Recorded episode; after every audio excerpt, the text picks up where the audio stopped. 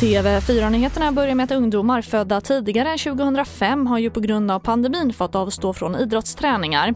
Men nu kan det bli ändring på det när man i ett förslag från Folkhälsomyndigheten vill att idrottande även ska tillåtas i den här gruppen. Men med vissa begränsningar som att det ska ske utomhus och i mindre grupper.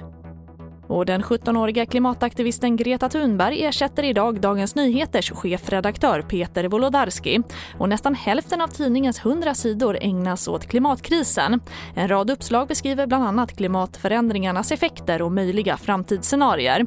Att Thunberg får vara gästande chefredaktör bestämdes efter att hon kritiserat DN och andra medier för bristande klimatbevakning. Och mer om det här kan du se på tv4.se. Och vi avslutar med att ett 15-tal älgar gick igår genom isen och drunknade i Arjeplog-trakten, det rapporterar Norran. Jägarförbundet i Arjeplog skriver på sin hemsida att den stora älgvandringen är på gång och att isarna i området är mycket dåliga.